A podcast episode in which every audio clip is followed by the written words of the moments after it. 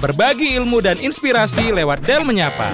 Del FM 92,4 barengan Nom Nom Dennis di Del Morning kita masuk di segmen Del, Del Menyapa. menyapa. Dan pagi ini kita bakalan sapa dulu nih untuk rekan dan dosen Fakultas Teknologi Industri. Yap, ada Bapak Yosef Barita Sarmanik, STMSC PhD. Selamat pagi Pak Yosef. Selamat pagi Pak. Selamat pagi Nom Nom dan Denny. Iya, lama kita nggak ketemu ya Pak ya. Iya, saya juga kangen pengen main-main ke sana main gitar. Iya, nyanyi-nyanyi. Ini Sehobi gim- kita Pak. gimana kabarnya Pak Yosef? Baik, baik, baik, sehat, sehat. Sehat ya. Ini teman Del kita bakalan ngobrolin sama Pak Yosef selaku dekan dan dosen di Fakultas Teknologi Industri ITDL tentang lab desain produk dan inovasi.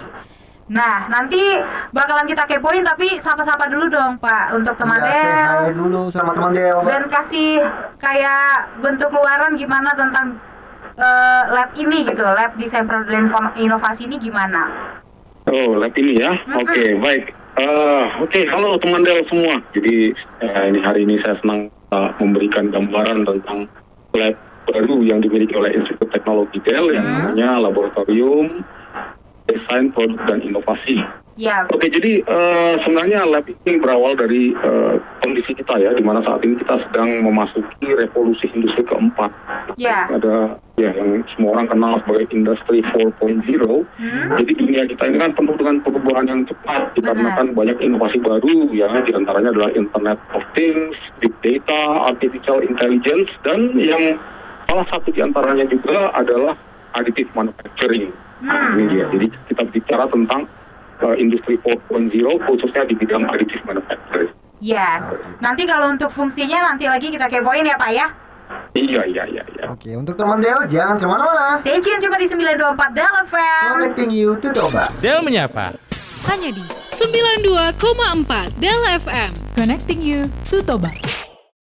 Berbagi ilmu dan inspirasi lewat Del Menyapa. 92,4 Del FM Connecting you to Toba.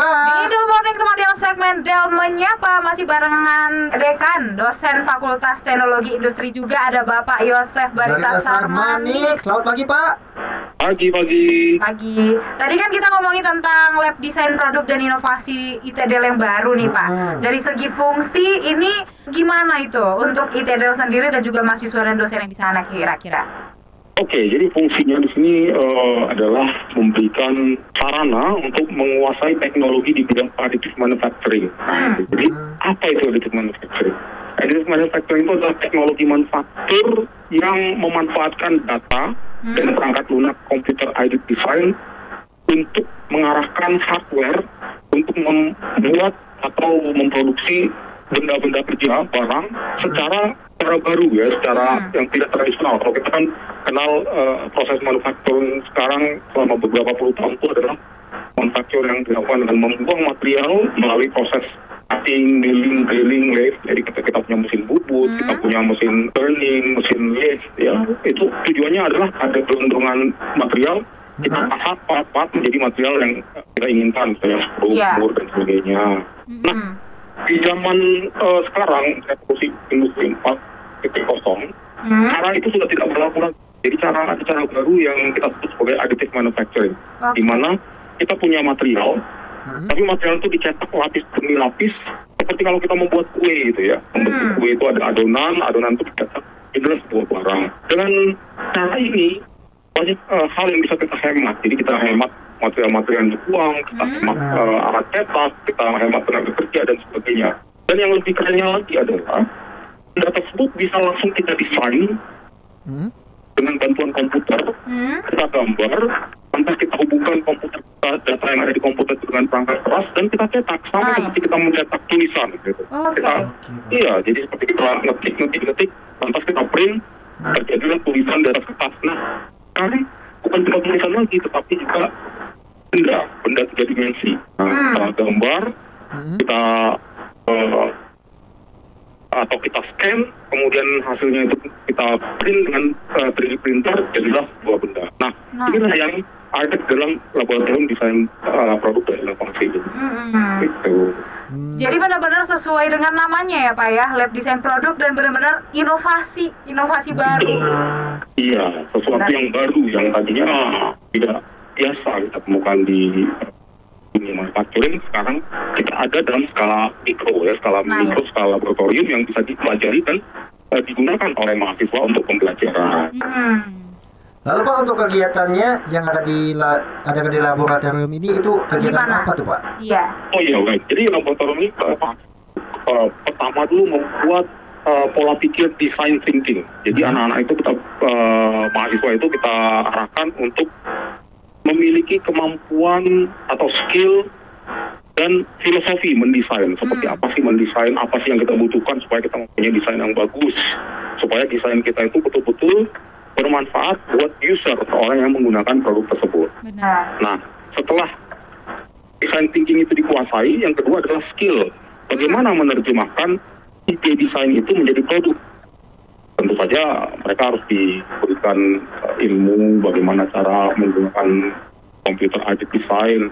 Kita mempunyai software gambar yang cukup canggih yang namanya SolidWorks. Hmm. Ya, itu yang kita bisa eh, mentransformasi isi kepala kita, ide kita terhadap sebuah produk menjadi sebuah gambar Hmm. dan gambar itu kita bisa analisis bentuknya seperti apa, materialnya seperti apa, beratnya seperti apa, terus kemudian sifat-sifat fisika dan mekanikanya bagaimana kalau sudah diproduksi Oke. dan eh, bagaimana supaya gambar itu eh, kalau di assembling bisa eh, menghasilkan sebuah sistem produk yang baik gitu. Nice. Oke, siap. Nanti bakalan kita kepoin lagi nih Pak tentang keunggulannya lebih jauh lagi dan juga manfaat dari laboratorium yang baik. Oh ini. ya, Oke. siap siap. Buat teman Del jangan ke mana-mana. Stay tune terus cuma di Del FM. Del menyapa.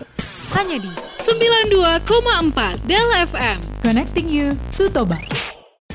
Berbagi ilmu dan inspirasi lewat Del menyapa. 92,4 Del FM connecting you to Toba. Di segmen Del Menyapa, Nom Nom Denis dan di lain telepon kita masih terhubung dengan Bapak Yosef Barita Sarmanik, Dekan sekaligus dosen di Fakultas Teknologi Industri ITDL.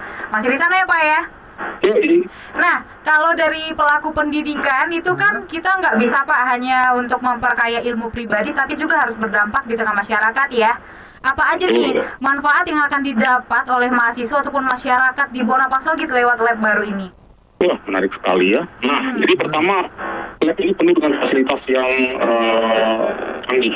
Ya, Kita punya smart classroom. Smart classroom ini memungkinkan kita belajar secara fleksibel. Di situ ada alat-alat atau stasiun-stasiun kerja yang ergonomis. hmm, Ruang juga soundproof ya, apa suara. Kemudian kita punya layout yang interaktif sehingga para mahasiswa bisa berinteraksi dengan dosen dan antar mahasiswa tanpa eh, kesulitan apa-apa dan kita punya peralatan yang high tech hmm, kita punya multimedia, kita punya wifi, kita punya LAN, kemudian kita punya 7 unit 3D printer, hmm, kemudian kita punya smart interactive board, dan 8 personal komputer dengan uh, spek yang sangat canggih, ya, baik dari sisi grafis maupun dari sisi memori. Nah, Oh. kemudian kita juga punya software uh, computer aided design SolidWorks yang terlisensi dan itu bisa uh, sifatnya computable untuk aplikasi industri. Jadi artinya mahasiswa yang dilatih dalam lab ini pada prinsip siap pakai Hmm. dalam industri-industri research and development di uh, dunia kerja gitu ya. oke. Nah, apa yang didapatkan oleh mahasiswa yang pertama adalah skill dan Hmm. kemampuan yang uh, adaptif terhadap kemajuan teknologi saat ini sudah pasti. Ya, Dan kemudian apa yang bisa didapatkan oleh masyarakat? Hmm. Nah, ini yang menarik. Lab ini memang ditujukan juga selain untuk mendidik mahasiswa juga berkontribusi buat masyarakat. ya, Artinya kita mem- akan uh, ya sebenarnya kita kan, uh, sebelum ada lab ini uh, secara fisik tim yang saat ini bekerja di, di laboratorium sudah banyak berinteraksi dengan masyarakat-masyarakat di kawasan Danau Toba. Hmm. Salah satu contoh pengembangan produk-produk berbasis andaliman yang saat ini dikembangkan oleh UMKM-UMKM di kawasan Danau Toba. Iya. Contohnya kita kan punya bumbu asik yang apa itu eh, ya bumbu asik instan ya yang dikembangkan Hmm. di Taman Eden 100. Nah itu Iya. adalah hasil karya dari eh, tim inovasi dari eh, desain produk di Fakultas Teknologi Industri. hmm, Kita juga membuat mesin-mesin pengering andaliman. Hmm. Nah, mesin pengering andaliman ini sudah dipakai di Taman Eden 100 ya. hmm, Dan saat ini kita juga memproduksi mesin-mesin yang dipakai untuk mem- mempercepat proses produksi bumbu asik andaliman. Contohnya adalah mesin pencacah kemiri. Nah, ini juga dihasilkan di lab. Kita juga kerjasama dengan eh, rekan kita dari Batikpa ya, ada dari Senapan Dede di sana. Ya. Kapan hari kita juga sama-sama uh, membuat sebuah kegiatan product design competition yang diikuti oleh uh, siswa-siswi SMA dan SMK kawasan Danau Hmm. untuk membuat produk eh, inovasi produk-produk yang uh, bisa menjadi indera mata untuk uh, uh, pariwisata kawasan Danau Toba. Pada ke depannya nanti lab ini akan dipakai sebagai tempat untuk uh, latihan latihan dan uh, workshop workshop ya untuk Hmm. uh, peningkatan produk-produk di kawasan Danau Toba. Oke, Gitu. berarti bukan untuk menerapkan ilmu aja, tapi nanti ilmu yang didapatkan bakalan sangat berguna untuk SDM di daerah Toba ya Pak ya? Betul sekali, begitu. Ya lalu untuk keunggulannya dari laboratorium ini itu apa tuh Pak? Oke, kita bisa bahwa laboratorium ini sejajar dengan laboratorium-laboratorium sejenis yang dimiliki oleh kampus-kampus terkemuka di Indonesia dan dunia. Hmm. Jadi memang untuk mem- membuat uh, lab seperti ini, kapan hari kita juga benchmark di beberapa kampus yang uh, termasuk papan atas di Indonesia. Contohnya adalah UGM, Hmm. UI, dan ITS. Jadi Nice. mereka juga memiliki lab yang mirip seperti ini, tapi kita mempunyai beberapa keunggulan. Hmm. tidak di semua kampus mereka mempunyai eh, bentuk lab yang sifatnya smart classroom seperti kita. Hmm. Jadi ada beberapa kampus mungkin dengan keterbatasan ruang di tempat mereka, mereka tidak menerapkan smart classroom, sementara kita menerapkan classroom. Oke, Gitu. Oke Pak. itu dia ya. Wah. Sebenarnya terlalu singkat kalau hanya untuk di dalam menyapa ya Pak ya. Kayaknya Betul. kita harus kuliah umum sama Pak Yosef. Nah, mudah-mudahan ada waktu datang kemari ya, supaya kalau pandemi ini cepat selesai, Iya, ya, amin. banyak mungkin orang ke sini. Iya benar.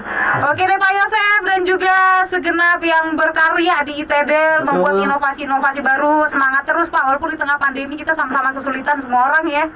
Iya, iya, iya. iya. Oke, terima Oke. kasih Pak atas waktunya Pak untuk berbincang-bincang Iya. dengan kita di sini Pak. Selamat pagi. Selamat pagi. Oke, selamat pagi. Horas, horas, horas. Horas, horas. Itu dia Pak Yosef ya. Mm-mm. Dekan dan dosen Fakultas Teknologi Industri ITDEL. Teman Del, minggu depan kita masih nggak kalah ya untuk narasumber yang keren lagi. Bener kayak bapak dosen tadi gitu Bapak kan. Yosef. Makanya buat kamu yang pengen dengerin Del menyapa lagi, kepoin aja terus. Del FM 92,4 Connecting You to Toba. Del menyapa. Hanya di 92,4 Del FM. Connecting you to Toba.